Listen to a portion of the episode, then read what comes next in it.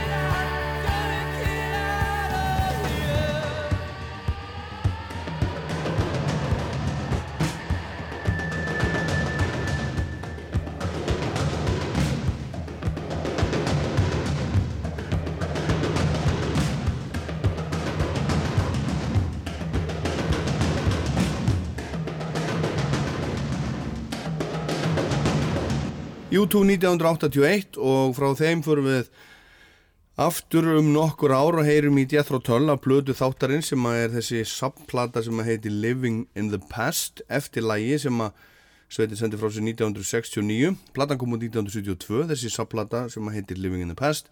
En lægið Living in the Past sem er í er í taktegundinni 5 fjórðu kom út 1969 annan mægi 1969 og er uh, svona sérstakt, svolítið sérstakt að þetta skildi, skildi uh, slá í gegn. Þetta fór í þriðasæti á breska vinsallalistanum og fymtasæti á Írlandi og er eitt þekktasta lag Jethro Tull og þarna voru í hljómsveitinni Clive Bunker og trommur, Martin Barr sá miklu snillingur á gítar sem er því miður hættur, er allir hættir þessir og Glenn Cornick á bassa og svo Ian Anderson hann er einn eftir og Jethro Tull kemur hinga til Íslands enn einu sinni í sumar, meirum þá eftir.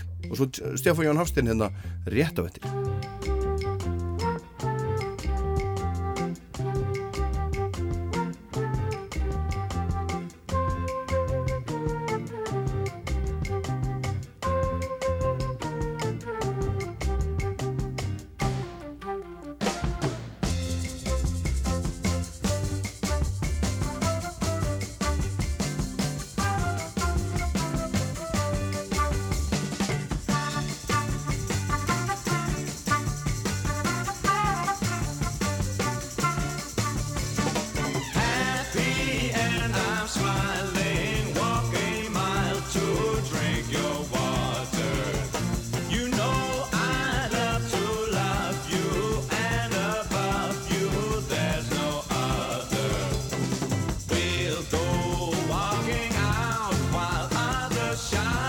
of one.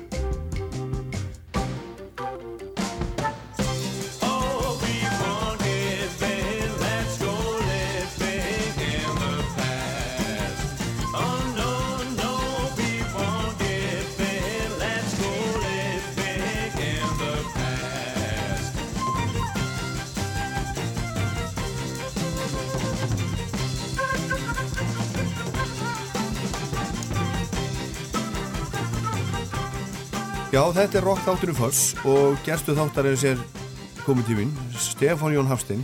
Sælublasaður, verður velkomin komið í sæl öll samur til sjávar og sveita. Akkurat. Hérna e, við ætlum að, að s- spila músík Skiptir músík þig miklu máli? Já, hún gerir það, ég er eh, sem sagt, ég spil ekki og synglítið nema með sjálfu mér en ég hef hlusta talsveit mikið á, og hverjum degi hlusta ég á músík Já, ertu að hlusta á eitthvað, eitthvað nýtt eða er það yfirleitt bara svona einhverjir gamlir, gamlir kunningjar og vinnir? Ég er ekki mikið að hlusta á nýtt nei, Er það því ekki? miður, nei, en ég er uppgötaði gegnum minnskap við Steinar Gunn Þóstingi Gunnarsson Þetta, þessa, þetta mál þarna á Spotify það sem er segja uppgötanu vikunar Já, og ég er svolítið gaman að því. Já, þá fær maður bara á því. Já, þá fær maður New lista releases. Já, eitthvað svo Já, og þá fær maður svona aðeins að heyra já, já, Svo í annan vinn sem heitir Gunnar Salvason og akkurat hann er að henda stundum út playlistum svona þetta er ég búin að vera að hlusta og þetta er gott og þá veit maður að það er svona listapopp í því sko. Já, já, það er lista, lista popið Já, þannig, En- þannig ég fæ þetta nýja gegnum vinnina sko. en Já. svo er ég bara með allan fjandan í gangi heima á vinnilnum eða, eða bara á, í, í hérna í græjunum sko. Já, þú ert með vínilspilara heima? Já, ég er með hann og hann er góður. Já, hva, hvaða tegund? Rega, Þú ert með rekaplanar? Já. Já, ég á svo leys líka. Hann er mjög góður. Er það nýrið að eldgamall, Já. al ósjálfvirkur Já, Já, og hann spilar alveg fendla vel. Akkurat. Og, og áttu, áttu stór, stórt blöndusafn? Nei, þetta er bara þetta gamla sem ég átti frá gamalli tíð og svo kaup ég einstöku sinnum, já til dæmis Viking Heiðar komplett sko. Já, og svo tek ég, tók ég um daginn ansi góða plötu fram Nínu Simón sem hafi verið svona endurunnun og svo kefti ég þetta Thomas R. nýju á vínil svo ég eina tvo bubba já, þú átt ekki meira en það. Af þessu nýja sko. Já. nei, nei, svo ég er náttúrulega að stappa af eld, eldgamla Já, sko. já, og það er allt frá Leontine Price með jólalögin og, og svo hérna Benny Goodman í Carnegie Hall 1979 live og allt það sko. Já, þannig ég á það það, er svona já. Ekki kannski mikið, mikið rock í þessu Ekki mikið fuss í þessu. Rocky Reykjavík er það líka og já, En þú er búin að velja hérna, velja hérna, hérna nokkur, nokkur lög. Velja átta lög sem passa í fuss Og uh, við skulum fara í fyrsta lagið. Það er þeir Segðu frá. Já, þeim, frá þeim? Já. Sko, þetta er uh, frá Rocky Reykjavík tímabilinu þegar mér fannst allt endur nýjast og velja skemmtilegt. Og vel- var ungum maður. Já, og og byrju, Rocky Reykjavík kemur út 1982 eða ekki? Jú, og ég er bara þarna, ég er fréttamar á ríkisútvarpinu, ég er allir sé 23, ég fætti 55 já, reiknum já, nú sko. já, já. og þá er ég hann fréttamar á útvarpinu og er fann hann svona hugsa um uh, ímsa hluti. Og þarna er sem sagt allt komið á fullt og ég hafði rosalega gaman að þeim. Og þarna er náttúrulega aðal maðurinn Sigtryggur Baldursson. Og í þessu lagi, sem ég vel er, er trómugangurinn fjandigóður Já, og já, þetta frábær. er bara ekta rock and roll, þetta er bara háa og læti. Og það er ekki að reyna að skilja þetta. Geggjalag, Rudolf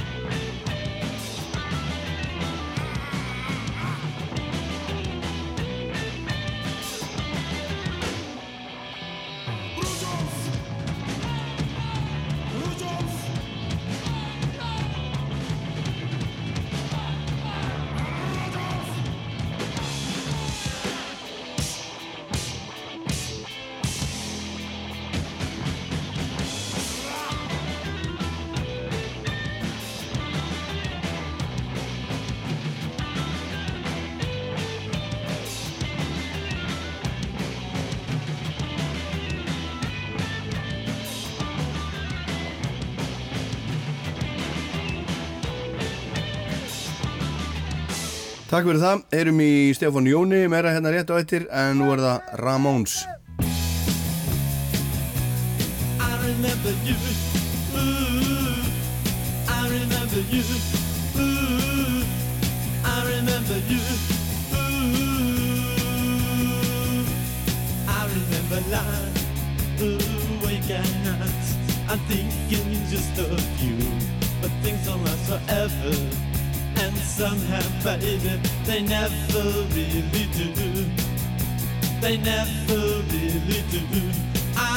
remember you, ooh, I remember you, ooh, I remember you, ooh, I remember lying awake at night.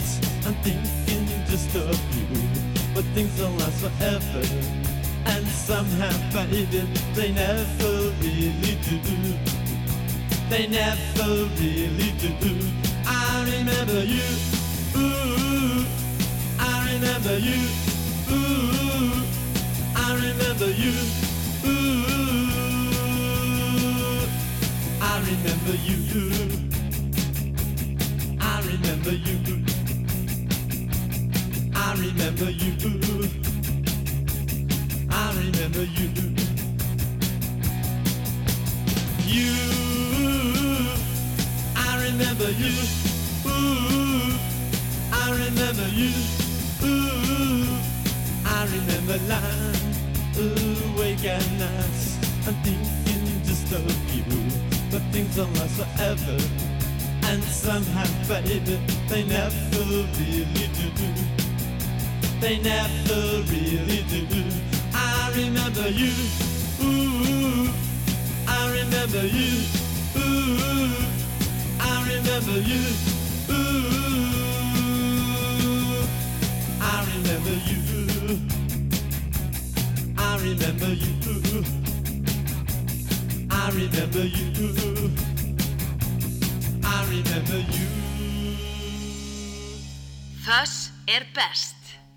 Ískalt. Og gerstu þáttarins, Stefán Jón Hafstein, hann er, hann er hérna með mér og uh, er að velja fyrir okkur áttan lög sem passa í föss. Þú varst að gefa út, þú varst að gefa út bók Já, sem að uh, ég hef heyrt að, ég bara hef svona rétt aðeins náða að svona, uh, svona skauta, skauta yfir henn og þetta er, þú ert að, þetta er, þú ert bara að segja frá sjálfu þér og þínu lífi en líka bara svona framtíð heimsins. já, sko þetta eru, þetta er full mikið sagt þessi sem sem frá sjálfum mér og mínu lífi nema ákveðnu svona stuttu tímabili. Núna bara síðustu árein þegar ég var sem sagt starfaði í Róm sem um, sendi fulltrú Íslands hjá uh, landbúnar og matvælastofnun saminu þjóna, ég var sem sagt sendi herra hjá þessum tveimur stóru stofnunum World Food Program. og það er þarna ákveði tímabil fram að COVID og um COVID og fram að stríði sem að ég er að segja frá bæði svona ákveðni persónulegum upplifunum. Vinnu minn veikist og við erum aðeins að fara í gegnum það með honum. En síðan er ég að eh, skoða sögur Rómar og hvernig hún talar beintin í okkar fáránlegu tíma. -huh. þessi stórkostlegu undur og stórmerki sem gerist í rómarska heimsveldinu þau tala beintin í okkar tíma og það er rosalega gaman að velta því öllu fyrir sér. Og síðan hvernig heimurinn er í raun og veru að fara til eh, fram á, fram á mjög erfiða hengiflug sem er í raun og veru sam, það, er, það, það er í, það sem tvinnast eða þrinnast saman en maður getur sagt það. Það er sem sagt, það er lofslagsváin það er árásin á lífríkið. Fólk hefur ekki átt að sig á því að síðustu 50 ár meðan ég, í mínu líftíma þá drápa við 70% af plöntum og dýrum á jörðinni hugsið ykkur árásin á lífríkið og visskerfin er svo gengdalus og svo er í þriðja lagi matvælakerfin okkar það sem heldur lífun í 8 miljörðar manna og alla þá, þá ekki sumir en þá mjög svangir. Og það er alveg ótrúlega klikka kerfi þriðji hver matarbyti fyrir súgin Uh -huh. miljardar manna er mjög svangur, illa svangur, þrýr miljardar manna veit ekki hvar þeir fá, uh, fá hafa ekki efna næringar ykkur í máltíð á, á hverjum degi. Offita er stórkoslegt vandamál og offita er einhverjum túlkun á líkamanns á vannæringu. Þetta er svo skrítið því að fólk fær ekki rétt samsetta fæðu. Og síðan er þessi matalöflun ástæðan fyrir því að við erum að leggja lífriki í rúst og þetta hangir allt saman og það er eins og Leonardo da Vinci sem er einn hetjan í bókinni sagði allt tengist Aha. og ég er að kynna fólki þetta samhengi. Þegar við heyrum fréttindan og allt það, þá hefur fólk þessa stóru heimsmynd, þetta svið fyrir fram að sig að það hefur lesið bókina og skýlur betur hver tengingarnar á milli það er lofslagsrástefni í Egiptalandi, það er matvælakrísa í, ekki bara í Úkræn, heldur út um allt og þetta tengist allt. Já, en það er þetta, einmitt, eh, þriðja hver, hverjum bita hend, ég sá bara þegar ég var að fara að sofa í gerkvöldi, þá sá ég á Facebook einhverja, einhverja mynd af einhverju gámi fyrir utan einhverja, einhverja vestlunni Reykjavík þar sem var bara, hún var hérna, full af einhverju, einhverju salati og tómötum og svona Já, já. sem að leita ekkit út til að vera neitt ónýtt en, en þetta er bara einhvern veginn svona en sko, það er svo mikið það er svo mikið sem er að og við erum að halda einhverja rástefnur og svo fljúa menn á lofslags rástefnunar á enga þóttunum menninir í, í hérna Armani, Armani jakkafötunum þú veist, er eitthvað hægt að gera í þessu? Fer þetta ekki bara allt í fjandars? Það þarf ekki að gera það, en það getur gert það, Já, svo ég sinna alveg hreinskilin. mm. Það er smá von og ég hef nú aðeins veldi fyrir mér sko, auðvitað spyr fólk mig þegar ég er að kynna bókin og segja það lesa mann. Býtu, ertu þá bara að segja þessi domstafur framöndan? Nei, ég er ekki að segja það, það þarf ekki að gerast. Við getum unnið úr þessu og mannkinn hefur svo oft gert svo fallega og góða hluti og við höfum búið svo margt fallega til.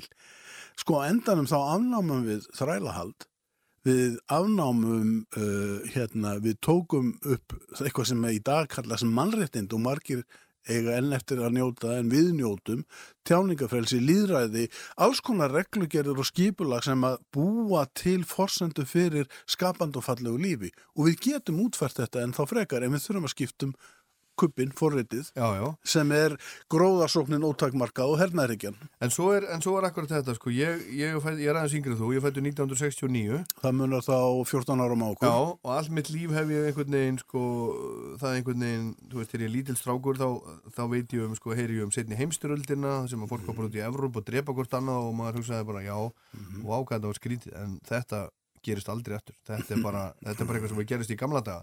Svo líður tíminn og svo þegar sko, árið 2022 þá eru alls konar svona líðskrömarar út um, út um allan heim þann, sko sem sagt að rýsa upp og, og, og sko líðræði sem að, sem að forfeður okkar náttúrulega, náttúrulega börðust fyrir með blóði sínu Jú, jú, það er ekkert sjálfgefið að það haldi sko. Og, og, og það getur bara farið allavega Það getur farið allavega og það lítur ekkit fallega út. Maður hefur miklar áhyggjur bara af nokkuð næstu nágrunum, bandaríkjamennum og breytum. Á hvaða leið eru þeir eiginlega? já, Svo við farum ekki að tala um ungur Erland og þú veist, Já, já. sem eru líka nágrannar okkur. raun og bara og, og það er ekkit langt síðan að það voru fasistastjórnir í Greiklandi og Spáni og Portugal í Evrópu. já, já, Þetta er bara nokkur ár. já, Þannig að, að allt er þetta fallvalt já, og öll þessi réttind og, og það allt það fagra sem byggt hefur upp þarf að varveit og berjast fyrir. Þessu er aldrei lókið. nei, og svo segir fólk ég hef engan áhuga á pólitík ég nenn ekki að tala um pólitík Já, verði ykkur bara góðu, segja. Þá, þá er þið fyrst í vanda. asnarnir ykkar Já, það er í raun og veru, nei það má ekki og það er ansi mikil ábyrð á okkur sem að njótum líðréttinda og mannréttinda því að það er ekkit margir í heiminum. Við erum kannski 10-15% sem höfum réttin til að tala. Herðu, við erum að horfa á hérna já, Helstu fótbolti hetjur heimsins með ekki setja á sig merki, meini, merki, akkurat af því að það er einhverju menn sem stjórna oljulindur sem segja nei því miður. já, já, einmitt Þannig eru við. Og svo er nú þetta, það er, það er einmitt mikið, mikið verið að svona skiptast orðum til dæmis bara á Facebook og svona um, um þetta fótboltamót og ég menna, þú veist, heimsmeistaramóti í fótbolta er náttúrulega veisla fyrir alla sem hafa gaman að fótbolta. Mm En svo eru sömur sem að segja bara, ég bara tek ekki þátt í þessu vegna þess að það er svo mikil viðbjóður með þessu. Og, en svo er það sem að segja, ég ætla bara samt að, samt að gera það. Þetta er bara, ég get ekkert breytt þessu og, og, og svo jú. Þetta er snúið, það er erfitt að vera til. Já, mjög erfitt að vera til og, og það er nú reyndar alltaf stórir, eða það eru þarna kablar í bókin, það er nú 60 stuttir kablar satt að segja og spunnir saman en það er þarna þessi pæling það er erfitt að vera til og það, þau vandamál sem blasa við félagsleg, pólitísk og efnagsleg eru svo, það sést að heiti við það, illskeitt og þetta heitir sko illskeitt vandamál þegar hvað býtur í skottið og öðru og það er engin orsök afleðing bein lína, það er einfallega að þú leysir eitt vandamál og þá býrðu til tvö í viðbót. Og þeir eru út að reyna að glíma við þessa flækju þetta er flækja, þá er mjög erfitt, þetta er eins og þrývítarflækja og þá er mjög erfitt að sjá út úr þessu, en það er ákveðin prinsip sem að gefur ekki frá sér. Til dæmis við eigum ekki að leifa að ofsóknir gegn uh, bara minnilutahópum, jáðarhópum, hverju nafni sem það kallast og þeir sem eru ríkir og auðir, þeir eiga að hafa samlíðan með hérna, þeim sem eiga að minna og þá kalla ég bara til aðalmeistaran og segi bara Jésu frá Nazaret, sagði það. Já, akkurat. Þetta var óvænt, næsta lag heitir óvænt með Purki Pilnik. Af hverju, af hverju velur þetta?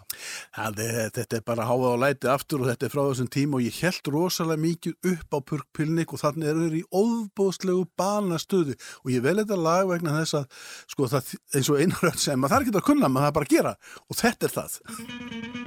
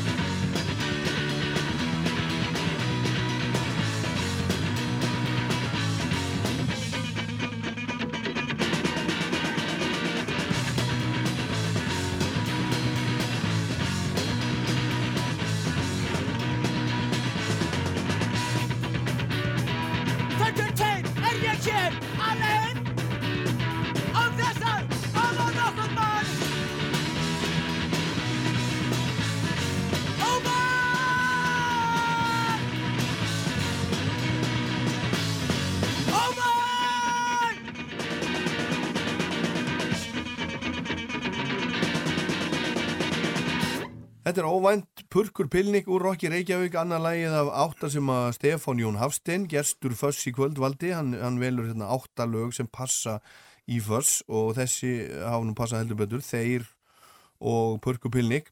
Eitt með þetta sem varst að segja á henni í sambandi við, við hérna, Purki, Purk Pilnik, það sem Einar Örn, Örn segir í Rokki Reykjavík, maður þarf ekki að kunna svona gítasólu til þess að vera í hljómsveit. Hann gerði rosalega lítið úr hvað þeir voru ógeðslega góðir.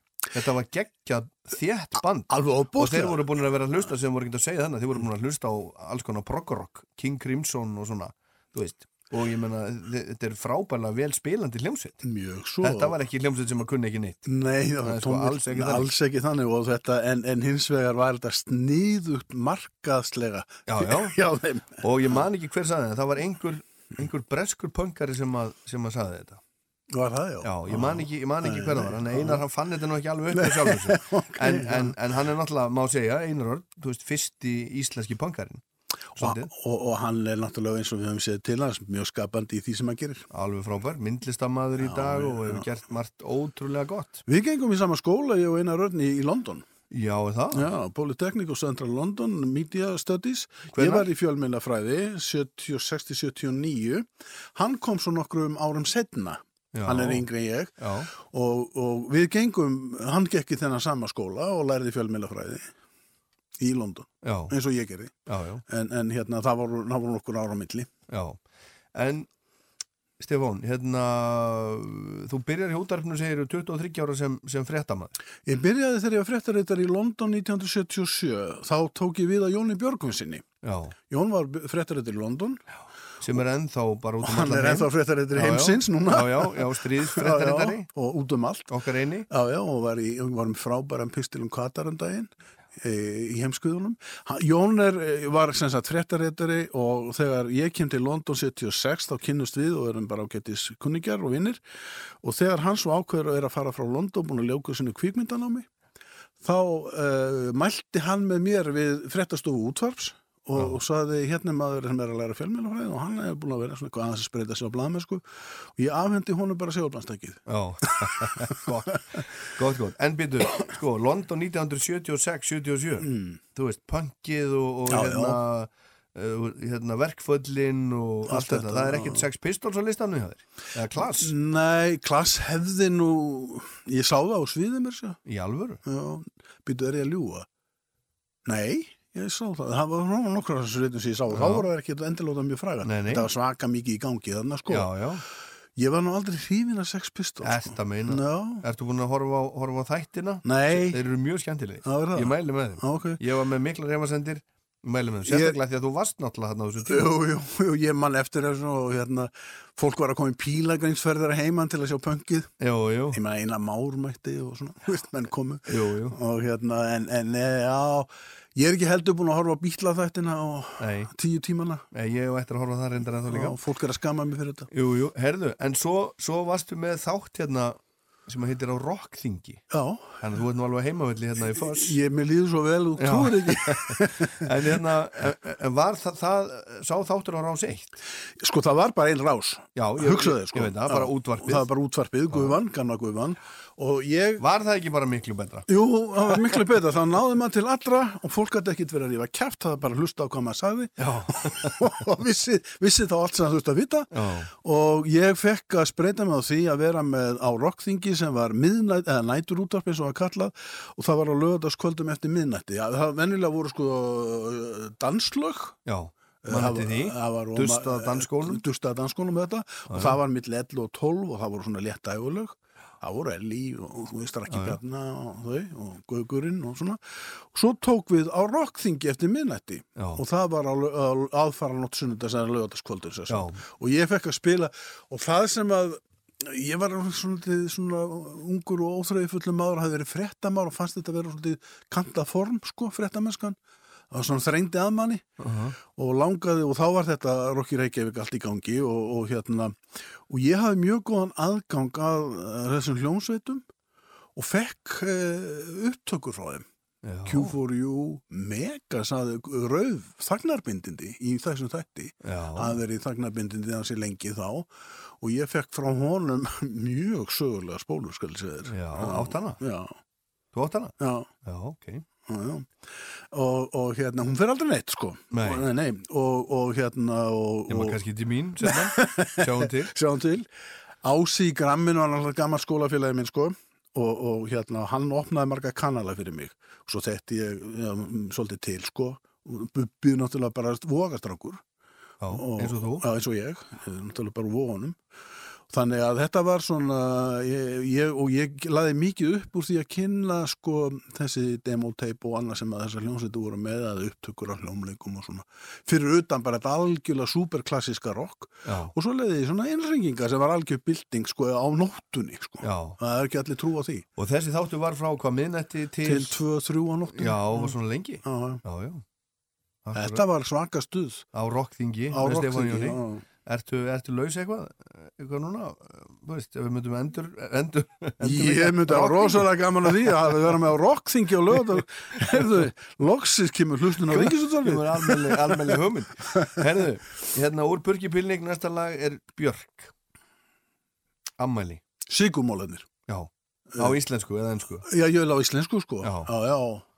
Sá sem að málar þunga bækur Já. Nei, ég, fyrirgjöðu, ég það all absolutt að vera Sigumólanir Já, og, þú- og Björk Þú, syngur þú hérna, þú varst dasgrástjóri þegar þetta, nei, þegar þetta kom út eða hvað? Já, Hérna, gott nei, ef ekki, jú Já. Já, Og mannst eftir því að Sigurmólanir hafi komið með, hérna, með blödu tiðinn og eitthvað svona? Þetta er nú algjört Nei, ég var, ég var ekki sko, ég var ekki tónlistarritstjóri þannig að Óli Þórðar hefur líklega tekið á mótið þeim eða Andri eða Björk talað við Andri og sína Já, svona, já. Hann er, en ég kynntist þessum krökkum uh, auðvitað ágætlega sko fyrst ég þekkti náttúrulega Sigtrygg svolítið og, og svo svona eða, og einar og, en, en hérna mað, maður hjælt mikið upp á þess að krakka og ég gera það enn sko. Og þetta er náttúrulega segi ég rocklag Íslands Amali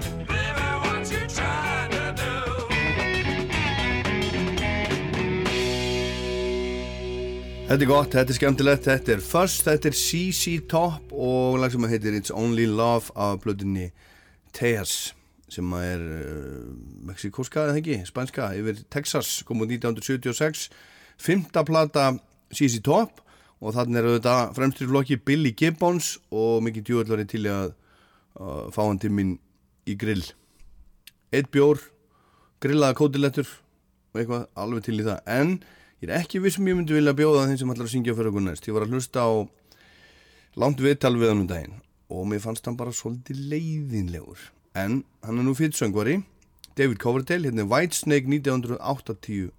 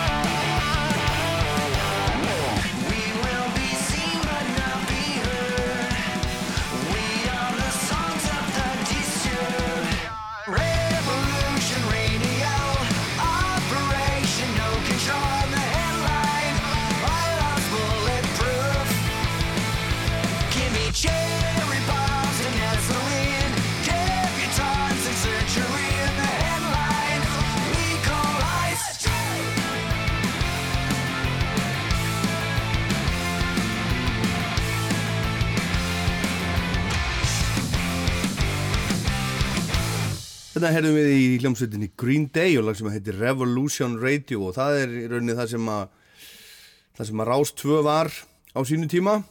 Þegar hún var stopnuð 1983 og, og svo var hún það líka þegar Stefán Jón Hafstein tók við henni sem dagskrástjóri nokkrum árum setna og, og breytt henni í rauninni það sem að hún er í dag. Hún er í rauninni mjög, mjög svipuð uppbyggð byggð dagskrálega eins og hún var þegar hann hafði farið um hann á höndum. Heyrum meira í Stefáni hérna rétt á eftir en næst er að laga plötu þáttarinn sem er þessi gamla sapplata með Jethro Tull sem að heiti Living in the Past. Jethro Tull ætlar að koma eða kemur hinga til Íslands núna fjórða mænaskomandi og þetta er raunni ótrúlegt. Jethro Tull á Íslandsmet í tónleikum erlendra hljómsveita á, á Íslandi og það segir hérna í frettatilkynningu að hljómsveitin hafi komið fram á svona cirka 3000 tónleikum í gegnum tíðina selt yfir 60 miljónir platna og Tull hefur sjösinum komið til Íslands spilað á tíu tónleikum í það heila. Og það er sama fyrirtæki sem að stendur að komu þeirra núna og undanfarnar á undanfarnum uh, já, undanfarin sex skipti, það voru nú Siggi Sverris og félagar sem að sem að eh, stóð að fyrstu heimsókt í Tull sem var nú algjör skandal spiluð í Íþróttahúsinu á Akranesi 1992 í september. Það var Tull á föstu degi hugsið ykkur og Black Sabbath á lögandi í Íþróttahúsinu á Akranesi. Og það voru svona 1500 manns cirka á Tull en ég held að það bara verið svona 300 á, Jethro, nei, á Black Sabbath sem var algjör skandal en allavega, Tull er að koma aftur til Íslands en einu sinni verður í Eldborg 4. mæ og miðarsalan hefst 1. desember á harpa.is og Tix og ég ætla að spila hérna lag sem heitir A Song for Jeffrey sem er annað smáskífulag hljómsveitarnar kom út 1968 og þetta var, þarna er í rauninni svona kjarnin í töl þetta er svona, þetta er svona blues rock það sem aðaljófarið er þverflöta það þótti bara mjög mörkilegt og þykir enn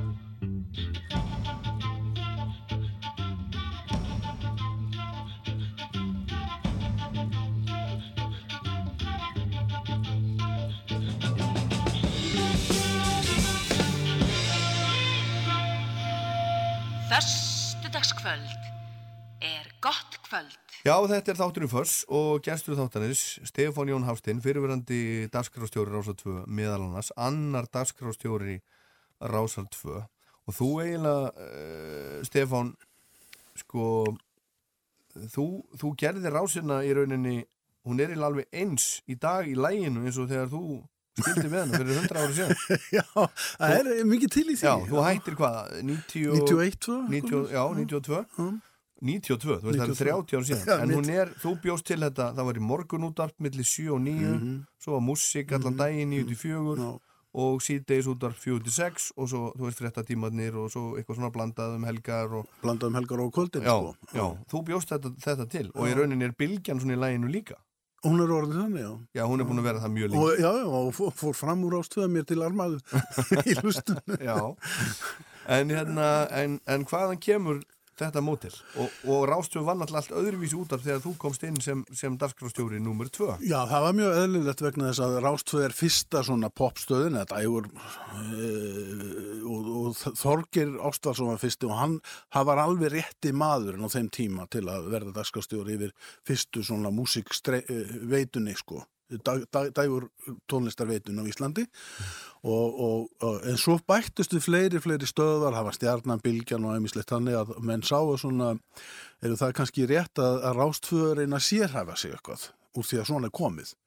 Og þá var ég beðin að koma með hérna draga upp mótel og ég var út í Ameríku þá, hafði verið við nám í bóðskýtafræðum, komið mistaragráði og var svo bara þar frílans og kona mín var að vinna og svona og ég var svona gera uppdrátt og þá var ég með smá reynslu út af skrafgerð og fréttamennsku og, og, hérna, og náði bara að, að setjast niður og ég bara gerði þetta bara eins og arkitekt.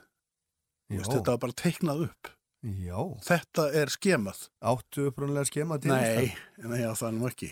Það er einhver staðar enn í Apple 2 sé tölunum Já, ok, ok. Já, en það var bara, þetta var bara verkfræðilegt e, í raun og veru verkefni. Já, og ég hugsaði þetta út og, og hérna teiknaði upp mhm og bjóð til hólfin og, og raðaði meira sér í hugan um hvers konar mannskapur þetta að vera.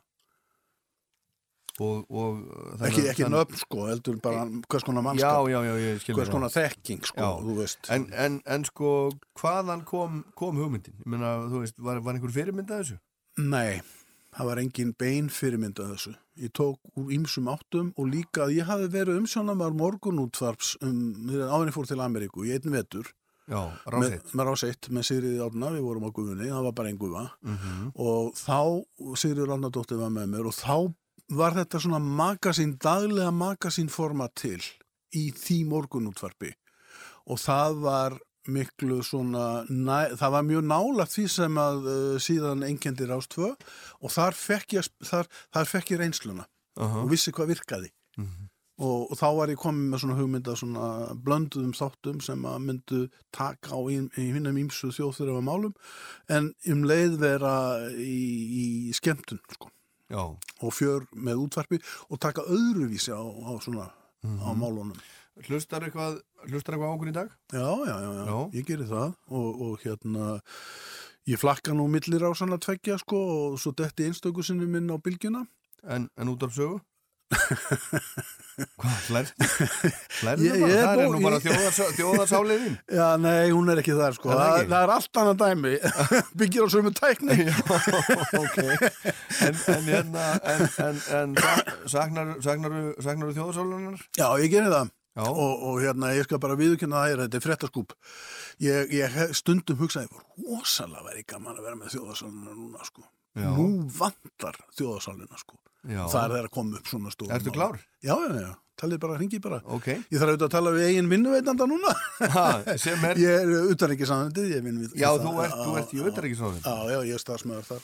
Já, já, í, já og, og hérna í hver ertu þar nákvæmlega í dag? Já, sko, eh, ég var starfsmæður, bara að gera þetta mjög stutt, ég var starfsmæður þróunarsaminstofnuna frá 2007 og vann í Afríku, svo var hún saminuð utanækisamöndinu, þannig að ég bara fylgdi með svona eins og auka hlutur inn í utanækisamöndi. En þar var ég tekin og færður til Rómar, þar sem ég gerður að sendi fulltrúa var tveimur Rómast, þreimur Rómastofnunum og þá var ég orðin bara svona eiginlega bara fullburða starfsmæður utanækisamöndisins og síðan er ég búin að vera heima núna eftir þrjú ári í Róm og, og er fulltrúi Ég er með svona málefni hafan á minni konu. Miklu mér að viti að fá því í þjóðarsáluna. Já, þú heldur það? Já, höfin eru 70% yfir bara Já, jarðar. ég veit að það er kannski að sinna því bara svona um helgar eða eitthvað. Hérna, en, en, en hvernig, eh, hvernig finnst þér rástu dag? E, ég segi nú eins og hérna hvað ég segja, dæmið ekki einhverstaðar er spagmæliðin hérna, ég ákvað eh, ég er núlega trúa fyrir einu af því að það er nú föstaskvöldi sko. Eh, hérna, og þá segir mér nú ímislegt frálslega þegar ég gekk út á rástöðu eftir að hafa helgað henni líf mitt í 5-6 ár þá kveikti ég ekki mörg ár? Þetta voru vinið mínir, Þorsteinn Jóð og Sigurður G. og Andrei og alltaf, og ég bara kveikt ekki á henni. Ég ætla ekki að vera í aftursætinu að hvorki að tuða, niður hrósa, niður neitt. Ég er bara búin að snúa baki við þessu ástaræfintinu mínu sem að var. Mm Og, og það, já, það er svolítið bara eins og ást, sko. Ég, ég, ég hafði svo mikið indiðar ástu og, og gaman að vinna með öllu þessu dásamlega fólki, þér þar að maður, -hmm. ungur maður, og, og ég bara slotti. Já. Og svo bara þegar ég er svona, svo gerist það einhvern tíma setna, ég kem tilbaka og þú eru spennum hvernig finnst þér rástföðu dag, þá segi ég, ég hlust ekki það mikið að ég geti dæmt hann eins og dagskrafstjóri, sko. Mm En, en, og, og hérna, það er margt ansi lungið og svo er annað sem ég heyra er bara, býtu, af hverju lærið ekki aðeins af því sem við vorum búin að gera mistökina áður, sko. Þetta er alltaf að endurtaka sér sama vittlesan, sko. Jú, jú, það er alveg Því miður, ég vil bara segja er, Já, já, það er bara, ég get alveg tekið undir, ég meina, það er bara Það er oft verið að gera sömu, sömu glóriðunar Ég hugsa aftur og aftur. af hverju, var ég ekki búin að taka á þessu? Jú, en það er bara, það eru 30 ár síðan, það er svo mikið að nýju, það er allt nýtt fólk, það er bara einn og einn svona gamall skunkur eins og ég sem að manna og hérna, og, og, og, það er, og ég held að sko það þekki það, margir sem eru í einhverju svona, búin að vera einhver stað lengi, já, að það er ekkit voða vinsælt að sko segja hérna, heyrðu, við erum nú búinir að prófa þetta, sko, þetta virkaði nú ekki alveg nóg vel, Nei, já, já, Þannig að ég, ég veit oft, sko. oft er gott bara að halda kjafti, skilur það, þegar mann brífut og persónlega. Já, það er ekkit, eh, já, við gerum þetta í nei, það Þetta er ekki þetta vinsælt, er alveg sko. glata, þetta er glata attitút en við erum að gera hérna, ég er mjög stoltur af því að vera hérna þá og, og fá að vera með og það er margt gott sem við erum að gera. Og ég réðu öllu, þá myndi ímislegt vera aðeins öðrumvísi, en svona í stóru dráttur þá held ég að, að þú sem gammal danskastjóri og, og bara við öll getum bara verið þokkala sátt við rástöðu í dag Já, já, hún er að vera 40 ára held ég. Og- 40 ára næsta ári. Já, já, og, og hérna, það er auðvitað sveiflur upp og niður, stundum langar mig, og það er ekki bara við 2, það er líka við rás 1. Mér langar alveg rosalega að fara að koma hérna inn og segja, heyrðu þú hérna, þú ert mjög efnilegur útfarsmaður eða þú ert mjög efnilegur útfarskona, má ég aðeins hjálpa þér? Já, já, já, jú, jú. En ég stendst á frestingu. Já, þú gerir það. Já. Nema að það verði kannski ringt í þig og þú beðin um að vera minn, það er aldrei hringt. Ok. lengur. Herðu, en hérna eitt, eitt sem, að, sem að þú, þú gerði nú eitt af því sem að þú byrjaðar á á þessum tíma það, það tengist nú næsta lagi það, það er Bubbi Já, uh, eru þið gamlir vinir bara nei, sko, jú, jú, jú, jú, við erum gamli vinnir, sko, en, en, en hérna, e, sko, í vogunum í Kanada, þetta var barnasprengja þess tíma, ég Já. fjalla nú aðeins um, það er eitt kapli í bókinni minni sem fjallar um barnasprengjum og heimakverðu, hvernig við vorum. Þetta var svona táknum ný, nútíman. En þarna voru, sko, ég man vel eftir þeim og allir vissu um, um sko, hérna, tolla, Já. að hann var eitt svona höfuð, hérna, töffarinn í, í hverfinu. Bubbi var bara yngri bróðið tolla, sko. Já, Og ég held að sé alltaf yngri jú, jú. en, en hérna, svo er það bara setna þegar Bubbi kemur og ég, maður fyrir að lifa og hræra svona þess að kynast eh, Rokki Reykjavík því öllu dóti, sko, að þá, þá vítu við auðvitað Bubbi hvort á öðrum og síðan höfum við nú alltaf verið góðu kunningi, við höfum veitt saman og veist, við erum góðu málkunnur við já. Bubbi og mér þykir, man, okkur þykir nú krökkunum og vonum alltaf væntum Bubba, sko, sama hvernig hann er. jú, jú. Hann er nú mörg líf að Bubba og þjóðinni allri og þjóðin allir, hann er bara komin í flokk með þjóðagersemum sko Já. núna eftir þetta leikúsævindirnas þá er ekkert sem stöðar það sko það eru, eru þjóðagersemar eru hvað ég ætla nú ekki að fara til það er Vigdís náttúrulega nummer eitt svo Björk, Já, Ómar Ragnarsson hvað með, hvað með Lagsnes og Kjarval og, Það eru döðir sko. Það, jú, jú, en, en sko, við erum talað um þú, núlifandi. já þú, þú setur hann bara, hann er svona mi, Svo, svo hann bankar mjög stert Hann upp er á- mikilmenni. Hann er, hann, hann er sko mikill, svo mikill áhrifamöður hann Bubbi. já, en svo gerir hann uh, stundum hluti sem að maður klóra sér í hausnum. Já, já, við erum á stundum búin að stundum hérna sem erum aðdáðandur hans, höfum orðið fyrir vonbröðum stundum. Já, já, jú. En, hann veit það og hann þykist, jú, jú, hann þykist stundum vera án en engill, en... já, já, stundum Nei, segir hann ég hef enga skoðun og svo daginn eftir hefur hann mikla skoðun. Já, hann er, hann er, hann er einstakur. Bubbi er algjörlega einstakur og þarna, þetta lag veli vegna þess að það er sögulegt, hefur sögulegt gildi og það náttúrulega lýsir þessum ofbóðslega fítonskrafti sem fylgdi Bubba inn í sko ekki bara tónlistarlífið heldur bara inn í þjóðfélagið. Og þegar hann kemur hérna fram með þetta lag að þá breytist bara allt hér á landi segi ég. Hér á landi á. Já hér á landi á eins og Hallbjörn hefði sagt. Íspenna Blues Já.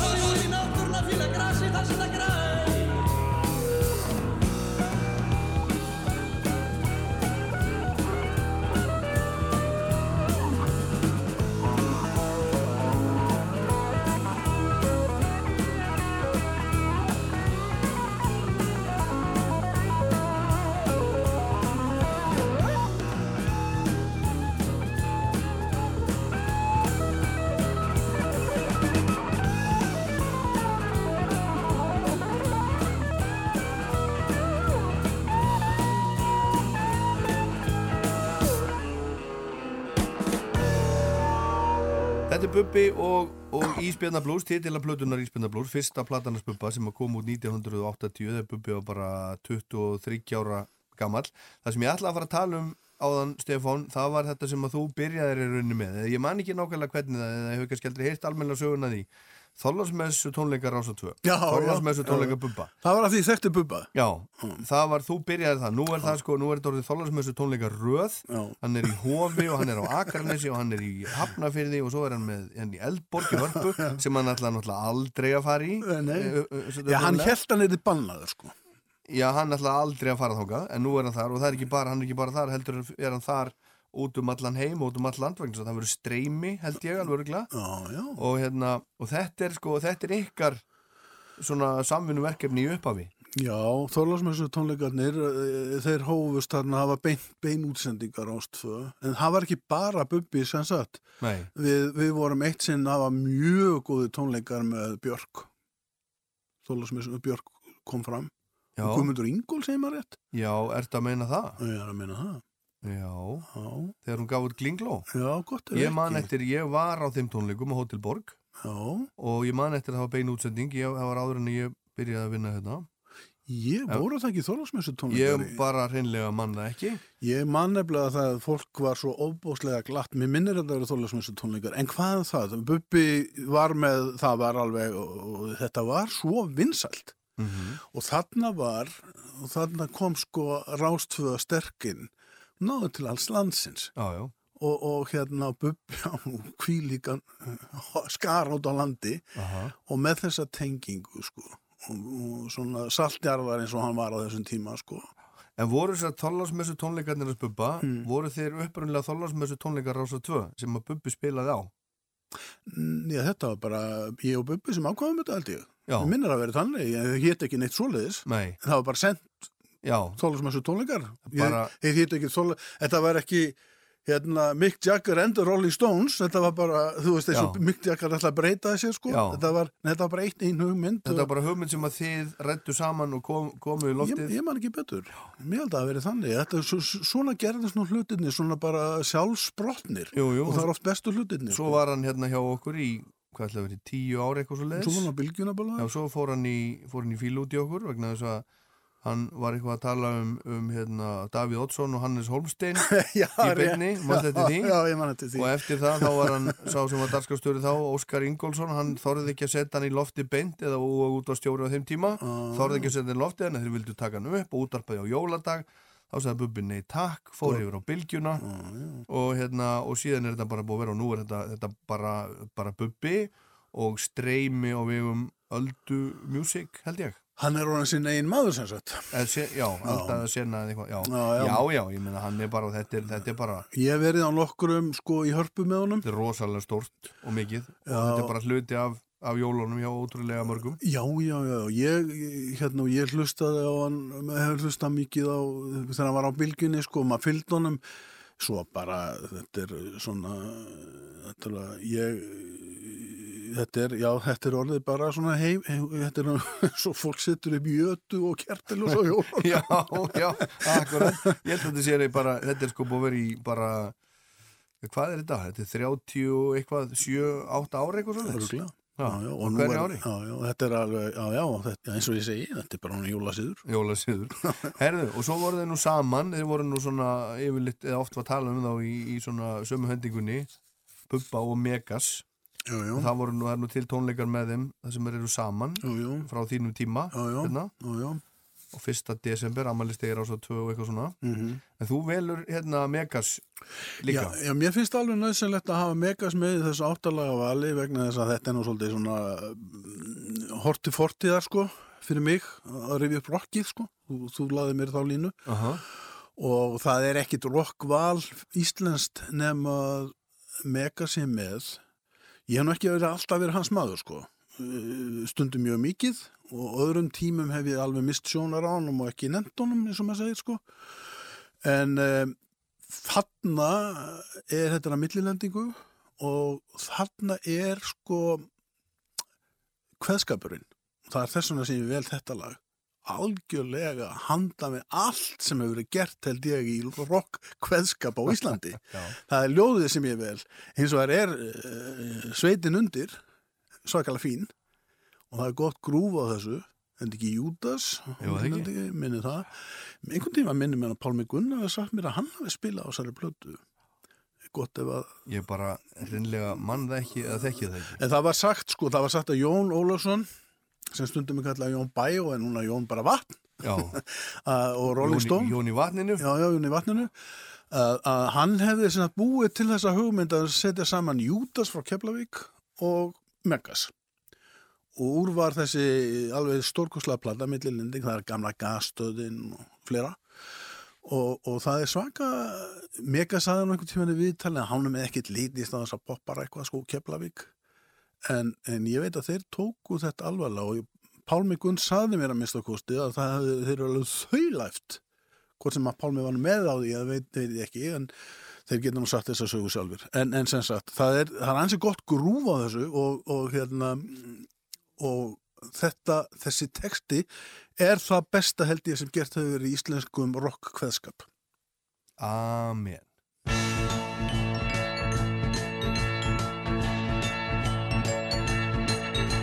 Ef umkomur lausustu ekkjurnar hérdaðar þing sitt. Að þeir útlima sneiðustur liftu því upp með Hvað gæti miskun sami enga samvergin annað að gert En panta sending á hverfisveins hornstoppa fylgstu berðerkjanum Óþeila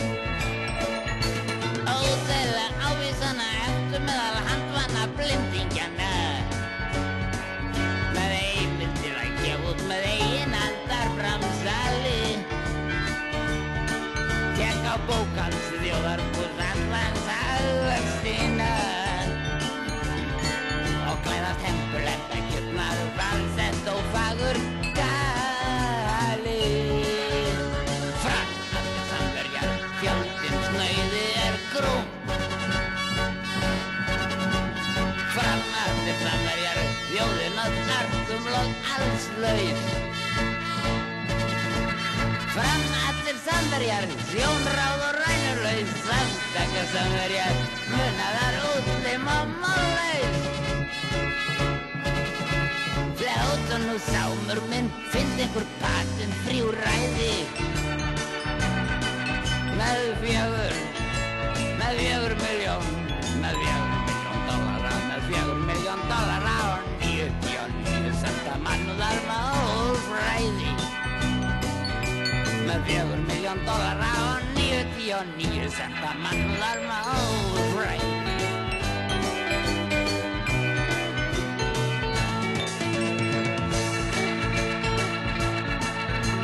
Þeir versta dökkumla öldungarnir þeim söfnuðu Óvígu lífi og stemtu til banka á Ísana Þætti ykkar samvergin annars vel en að leysa Úr leggjum einangrunar klefana við tvirtustu geðsjúklingana Og svo byrja til ég við beint á vitundar Jésúsar Bænar innlegrar og einlegrar aukauk teiknana Að enginn byrði tjónað á lífi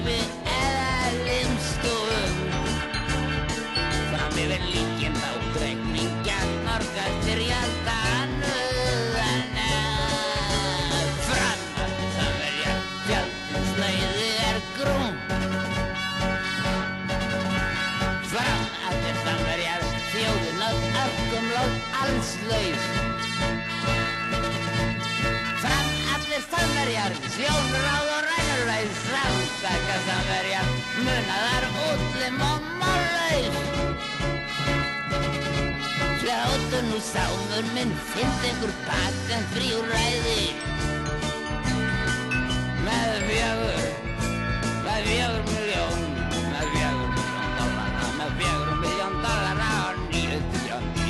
níu senta mannúðar með ófræði. Með fjögur miljón dollara og níutíu og níu senta mannúðar með ófræði.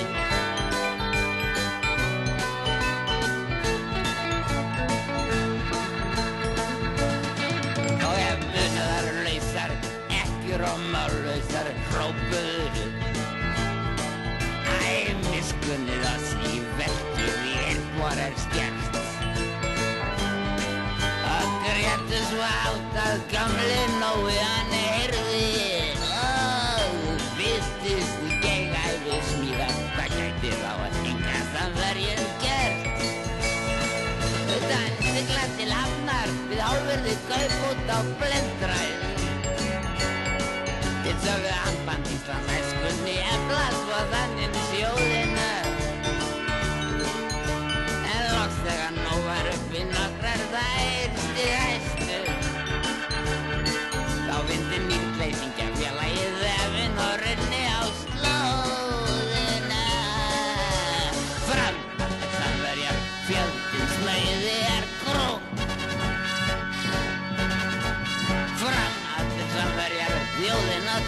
alls laus. Fram allir samverjar, þjón, ráð og rænulegs Fram takja samverjar, munaðar útlum og málaus Fljótun sáður minn finnst einhver patent og ræði Með fjögur, með fjögur miljón Með fjögur miljón dollara, með fjögur miljón og níu senda mannúðar máfræði Með fjögur miljón dollara og níutíu og níu senda mannúðar máfræði Er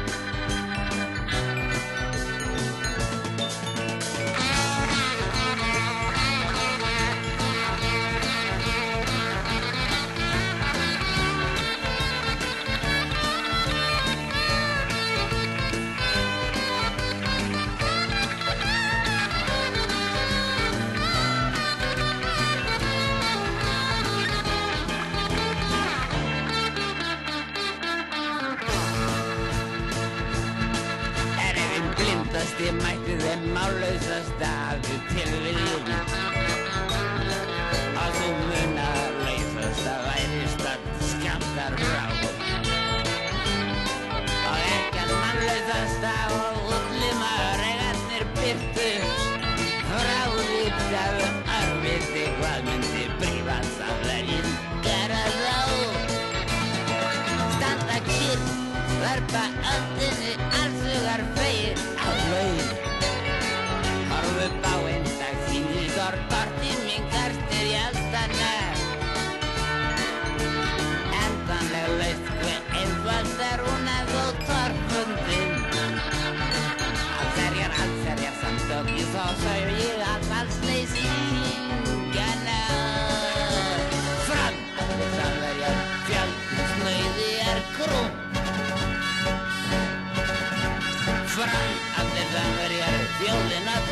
og alls laus. Fram, allir samverjar, þjón, ráð og rænulaus. Samtaka samverjar, munaðar útlim og málaus. Fljótun og sáfur minn finnst einhver patent frí úr ræði Með fjögur,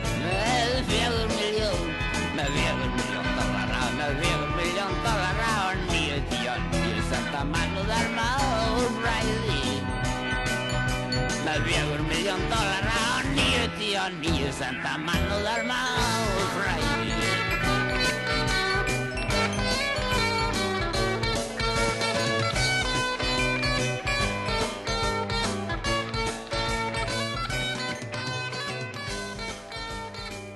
Kallið þetta músík, þetta jazz. Þess er miklu betra.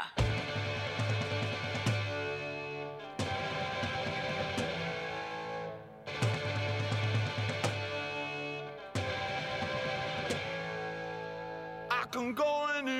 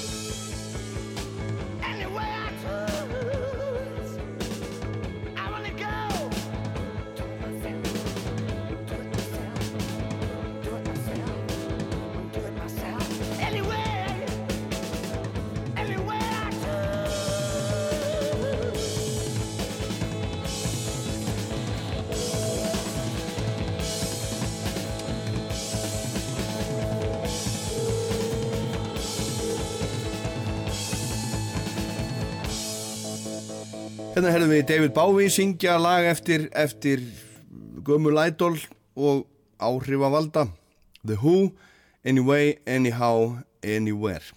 Sigur Rós er að spila nákvæmlega núna í lögatarsöllinni og ég gerir bara ráð fyrir að það sé algjörlega geggjað.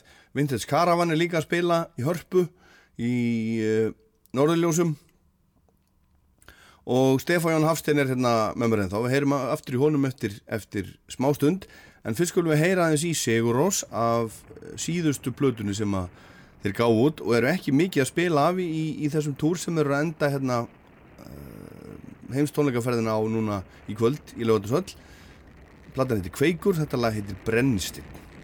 Þeir frumflötu þetta einmitt í lögatarsvöllinni á Erfurs fyrir áratug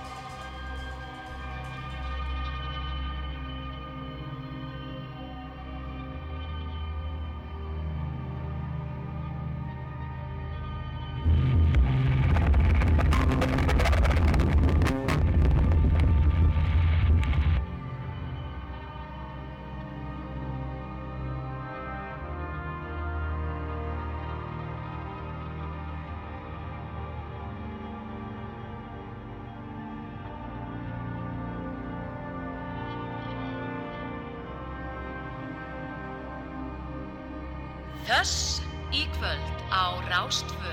Stefán Jón Hafstein situr hérna ennþá með okkur í Föss. Hann valdi átta lög sem passa í Föss og það eru sko setur. Það eru fjóra setur í því og áttar á því. Föss og passar. Hérna, uh, þú velur hérna bítlana næst. Já, Það er ekkert smá lag. Þetta það- fannst mér leiðilegsta bítlalagi þegar ég var strákur Já, sem velur, Já. en eitt, eitt, eitt besta í dag. já, það, við erum sammála þar sko. Ég hafði, hef- var ekki hérna þessu og fannst þetta eiðilega revolverplötuna eiginlega, Já. við hefum bara hoppað yfir það. Mjög skrítið lag eitthvað og. Þetta, Það- er, þetta er ekki mikið fyrir tíu ára. Nei, en, en þetta er alveg, alveg, þetta er aftur að því ég er svolítið í sögulegu yfirliti núna sko, Uh -huh. að þarna er þeir að færa sig úr því að vera svona bara hljómsveitin tempo Já, yfir í það að vera alvöru bara gallsúr yfirburða pop rockljónsveit sko. Og, og hérna og svo að text eða hérna títillin svo víðóttu vitlaus Tomorrow Never Knows. Já. hvað þýðir það? En já, já, Já, þetta er, eitthvað, þetta er eitt af þessu sem kom frá Ringo held ég. Ringo var með alls konar svona, svona tilsvör. Þetta er svona, svona working class Liverpool, þú veist, eight days a week, tomorrow never knows, allt þetta. Þetta komi allt frá. Já, þetta. er- mikið af þessum, þessum svona frösum. þetta, þetta er ekta ringo sko og hérna en, en þetta sko þetta og þannig er að byrja með allskins tilfæringa spila segulbönd aftur á bak og gera allskins mm veist, rugl og dellu en sam, hljómurinn í læginu og þetta er svona mínu viti, ég er, það er síður en svo að ég sé alltaf að spila þetta heima mér en, en þetta er svona að því að maður er settur hérna svolítið að hástall og fær að velja í útvarp þá, þá vil ég kynna fólki í þennan þetta mikla sigurverk. Bílana Geggjað, geggjað, tomorrow never knows.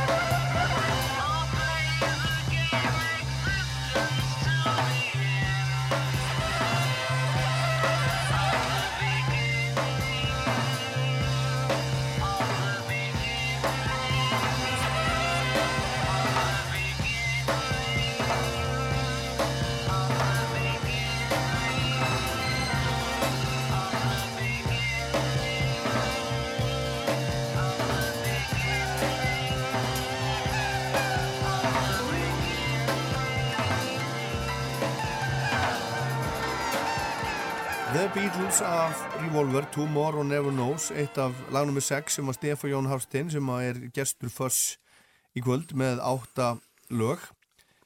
Ég forðast að nota þessa, þessa frasa eins og, eins og áttu. Það er, það er notað yfir sko nýjönda áratugin í áttunni og svona. Mér finnst þetta eitthvað hallarislegt. Mér finnst það líka. Erum við sammála? Já, því? Enn einu sinni erum við sammála. Já, mér finnst betra þegar fólk talar, ég held að það komi bara frá Halla Torstens, en kannski fekk hann einhver staðar þegar menn tala um áttatugin. Já, getur það verið. Já. það betra. Við Halli erum gamli leikbræður og Já. síðan vorum við bræður á fréttastofu útvarp og, Já, já. og, og allt hérna fylgdum stað lengi. Í sjötuginum, 70, það, mér finnst það betra. já, Ekki sjöunni. Eh, Þetta, eru, þetta voru, voru bítlarnir sem vorum að hlusta á og uh, næst í bæri við er Rolling Stones. Þú velur líka Rolling Stones. já, það er, eh, sko, kemur ekki til að góðveila. Jú, en sko máli er þetta. Ég hef aldrei verið haldið mikið upp á Rolling Stones. Nú, nú. Nei, ég held mjög mikið upp á bílana og hef alltaf gert og geri enn Já, og spila mikið bílana. Ég spila ekki mikið Rolling Stones og hef ekki haldið mikið upp á þá. Og það, það, skrítið. bara ég Þú þarft að fara í einhverja þerapíu með Nei, ég er bara prúður og vel upp alveg drengur og, og svona ruddamenni þeir, þeir er ekki upp á pallborð á mínu heimili Nei, það er ekki satt en þú veist, ég já, en ég auðvitað hlustaði mikið og það er hérna til dæmis eins og Tattoo You björliðin er mikið uppáhaldsplata hjá mér sko. Og, og hérna, já, hann á vinil og allt það sko. Eh, og það eru nokkur lög sem ég held mjög mikið upp á með Stone Sympathy for the Devil var náttúrulega svakalega mikil dulúð á sínum tíma. Eh, og hitt morgunlu Ruby Tuesday og svona flott lög sko. Uh, þetta er hins vegar finnst mér og ég vel þetta því að maður er svona aðeins að bera virðingu fyrir Stones, fyrir úthaldið og allt það og það sem er það þó hafa gert uh, svolítið bláir meira bláir uh, blúsaðir heldur en bílarnir og allt það uh, sem er gott. Sko þetta lag er svo pólitíst og það er svo flott bara, það er bara svo flott lag og það er svo flottur þegar þeim tekst vel upp að, hérna, spila þetta lag í bytni að þá er það alveg óborganlegt sko og það var þegar að Charlie Watts var í, sko, maður hefur séð uh, hljómleika upptökur sko þegar hann var í svaka formi og kýð og, og en það, svo útgáfa sem ég held mest upp á af þessu lagi er það sem að Jim Jagger er settur bara svona til hliðar Mick. Mick, sagði, sagði Keith Jagger Þú, nei, þú, þú sagði Jim. Sagði Jim ok, hvað er hann gammal? Jim Jagger. hann heitir, Mick Jagger Rolling Stones. Aha. og, og, hérna, og hann er hann er bara settur til hliðar skáka út í hotn og hafði hæganur Já, því að nú stígur fram á sviðið Lisa Fisher sem er bakrætasönguna aha. Rolling Stones og, og, og í mörgum öðrum og reyndar solosönguna líka og, og svaka típa. Og hún tekur bara sviðið. Já, og það er upptakað á svo YouTube. Og það, hún er mert best ever version af Gimme Shelter. Og þar koma þeir labbandi inn á sviðið og æðislegt fjör. Og svo er hún sem sagt uh, byrjar að raula. Og Keith kemur með smá og ég, hvað eitthvað hann? Hinn gítarleikar sem gerir aldrei neitt. Ron Wood. Já, Sem ger- gerir aldrei neitt. Ég hef aldrei síðan að gera neitt Hann er stórkostlegur Já, gítarleikari. já, Já, já. já, ok. Þeir eru svo frábæri saman. Já, það, þeir segja það Ég heyri bara í. Keith sko Já, já. Nei, nei, Ronny Wood, hann er alveg frábær gítarleikari. Og þeir um eru það. bara eins og sko tvíburar. Ég efast ekki um það og þetta er, ég, ég lesi þeirra segja mér, þeir, ég lás, ég, þeirra vefa þetta allt saman sko Aha. og þess vegna veit ég aldrei hvor er að gera hvað nema maður horfið meira á Keith og sér hann í aksjón sko. En ok, hún tekur sviðið og stelur senunni af Mick Jagger algjörlega. Og, og hérna og þetta, þetta Gimme Shelter er náttúrulega ég veldi að líka vegna það, það, það, á svo, það er svo mikið pólitík í því sko. Gimme Shelter er, sagt, og þetta er svona og, og Love is just a kiss away endar það svona það er bara er, hérna við leysum máli með að famast og kissast allt í lagi. Lennon sagði all you need is love en þeir taka þetta nú betur sko e, og þannig að ég er mjög hrifin af pólitíkinni í þessari lagi og textin er svona ekta rock texti sem hefur pólitísk intak bara einfalt, skilabóðin koma beint og flott músík og flott lag og allt það. En Lísa tekur sviðið þarna. Svo gerist eitt í þessari útgáfi, ef þið farið inn á YouTube þetta ætlum að gera. Það Já, við, við, við ætlum að hlusta á þetta. ok, Já. en, já, ætlum að hlusta Já, og ég svo að segja frá því á eftir eða, Já, já, við getum en því þetta það. sést ekki útvarpinu það sem gerist. Nei, en, en, en viltu kannski segja okkur aðeins á því þá? Já, ég ætla ætla að gera ánum spilum já, af því að svo getur fólk séð þetta fyrir sér. Jaggerinn er sem sagt algjörlega í þröngum buksum og flaggandi skýrtu og, já. og með allt sitt shake sko Já. og er að reyna að gera sig og það sem að þetta, þetta, er, svo, þetta er svo mikil þetta er svo mikil hérna misræmi í framsetningu að vera með þetta stórpolítiska lag svakalega flottan gítarleik, ottkvassan alveg hreint og, og hérna svona bara eins og rocka að vera aggressíft, politist og, og trublandi og þá eru þau í sex akt sko, Já, saman já. hún er sem sagt í örstutu pilsi æðislega kynbomba með, ég segja bara því að við erum hérna á lögatask, fyrstaskvöldi sko, með brjóstin út um allt sko og, og, og hristi sig og skekur og hann hristi sig og skekur og þau búa til úr senunni sem ætti að vera sem sagt svona svakaleg pólitísk samfélagsleg yfirlýsing bara sleik. Og það er, þau eiðilegja algjörlega skilabóðin, finnst mér. En hlustum, hlustum á þetta, give me Já, shelter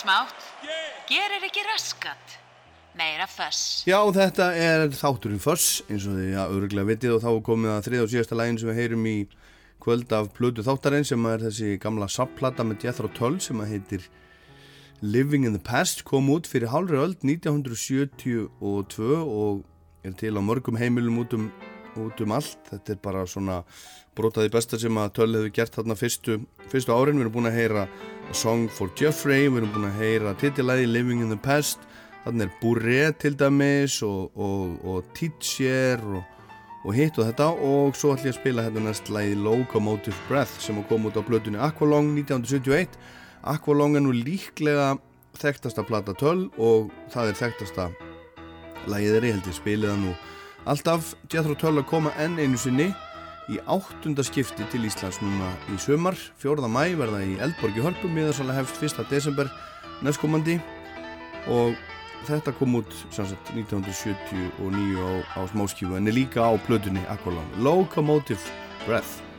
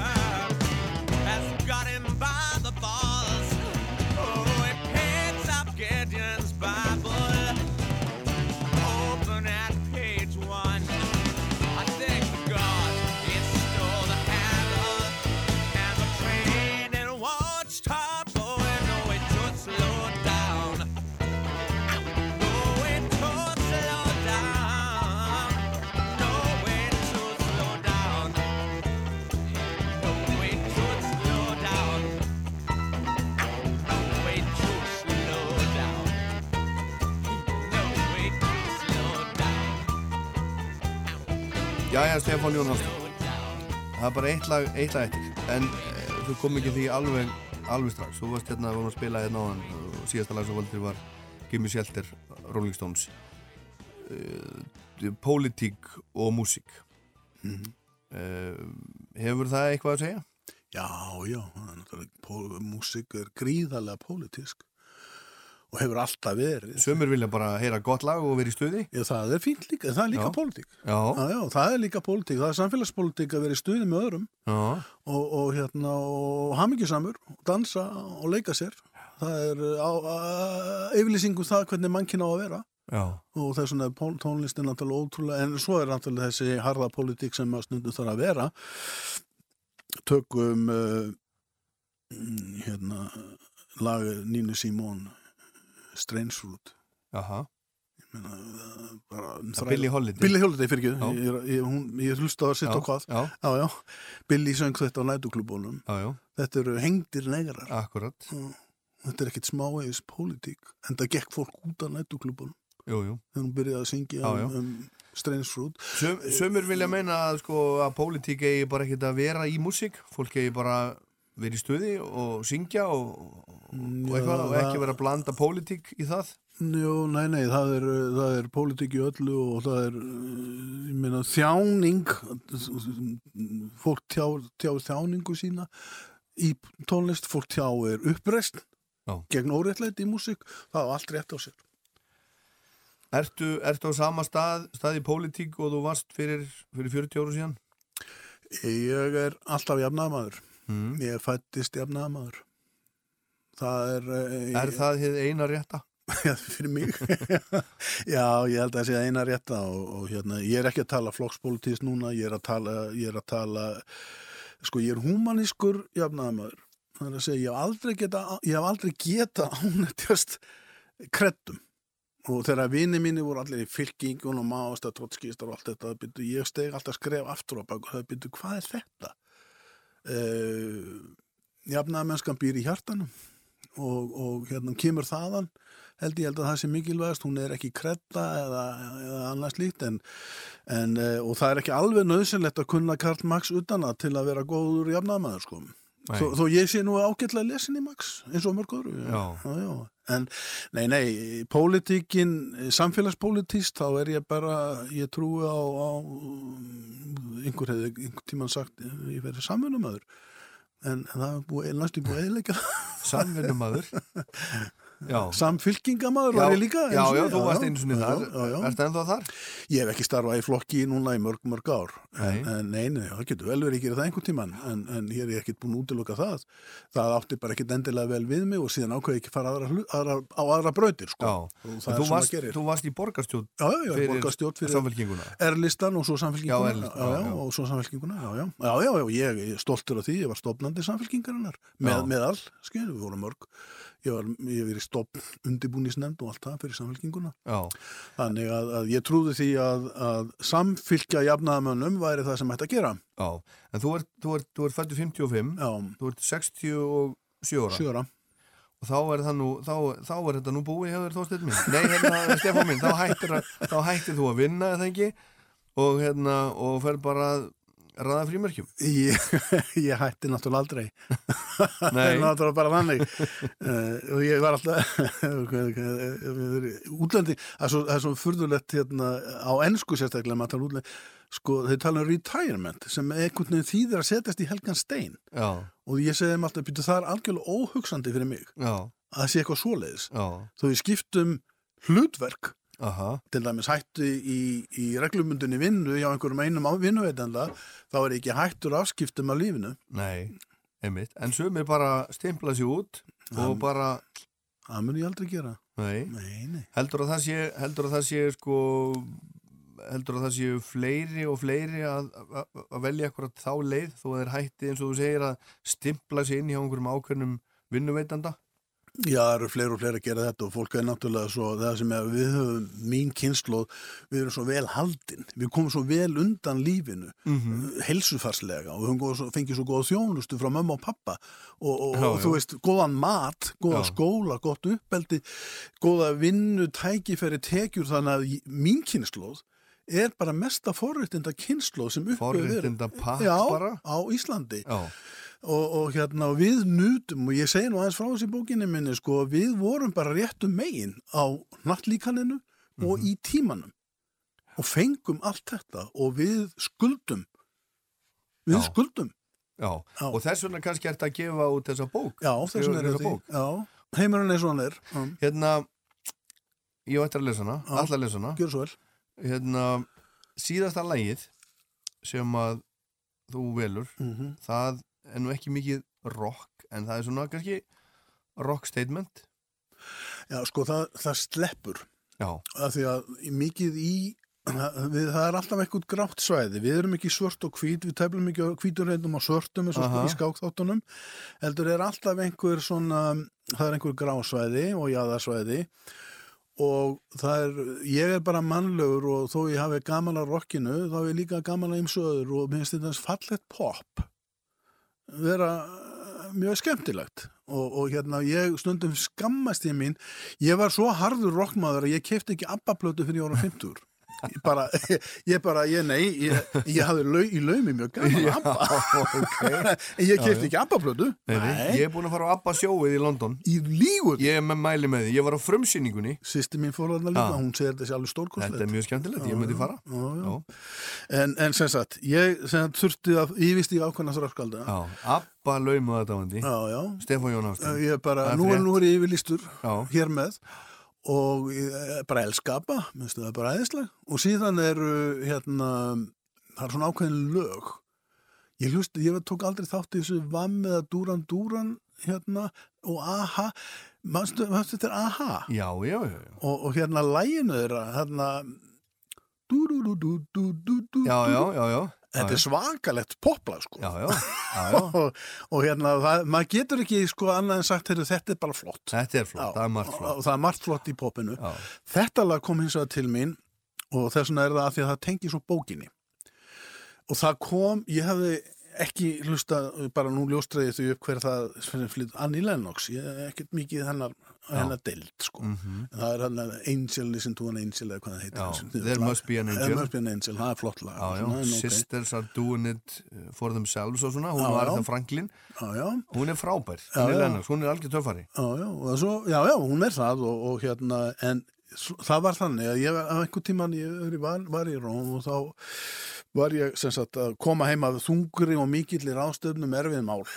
Og það er síðdegi og ég er í, í bílnum mínum og ég kem og ég kem að rauðu ljósi og Colosseum er á vinstri hönd bara í sól, síð, síðdegi sólinni.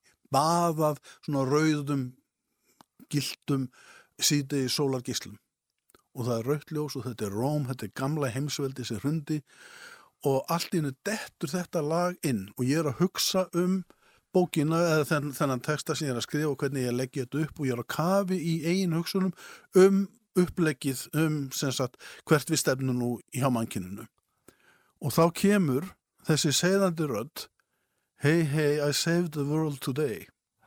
Og mér fannst þetta svo kaltæðið og, og svo írónist og ég veit ekki hvað ég er búin að spila þetta lag oft á, meðan ég gekk með þessa bók í höstnum og og ennþá og þá seti þetta sko stundum ég er að fara til dæmis en, en þetta var lagið mitt. lagbókarinn og að mér sé vitnað í þá einu stað. Já, því að og þetta, þessi bara ofbóðslega kaltæni á þessum, þessum stað og þessari stund og síðan áfram með mér inn í hey hey I saved the world everybody's happy now. Já.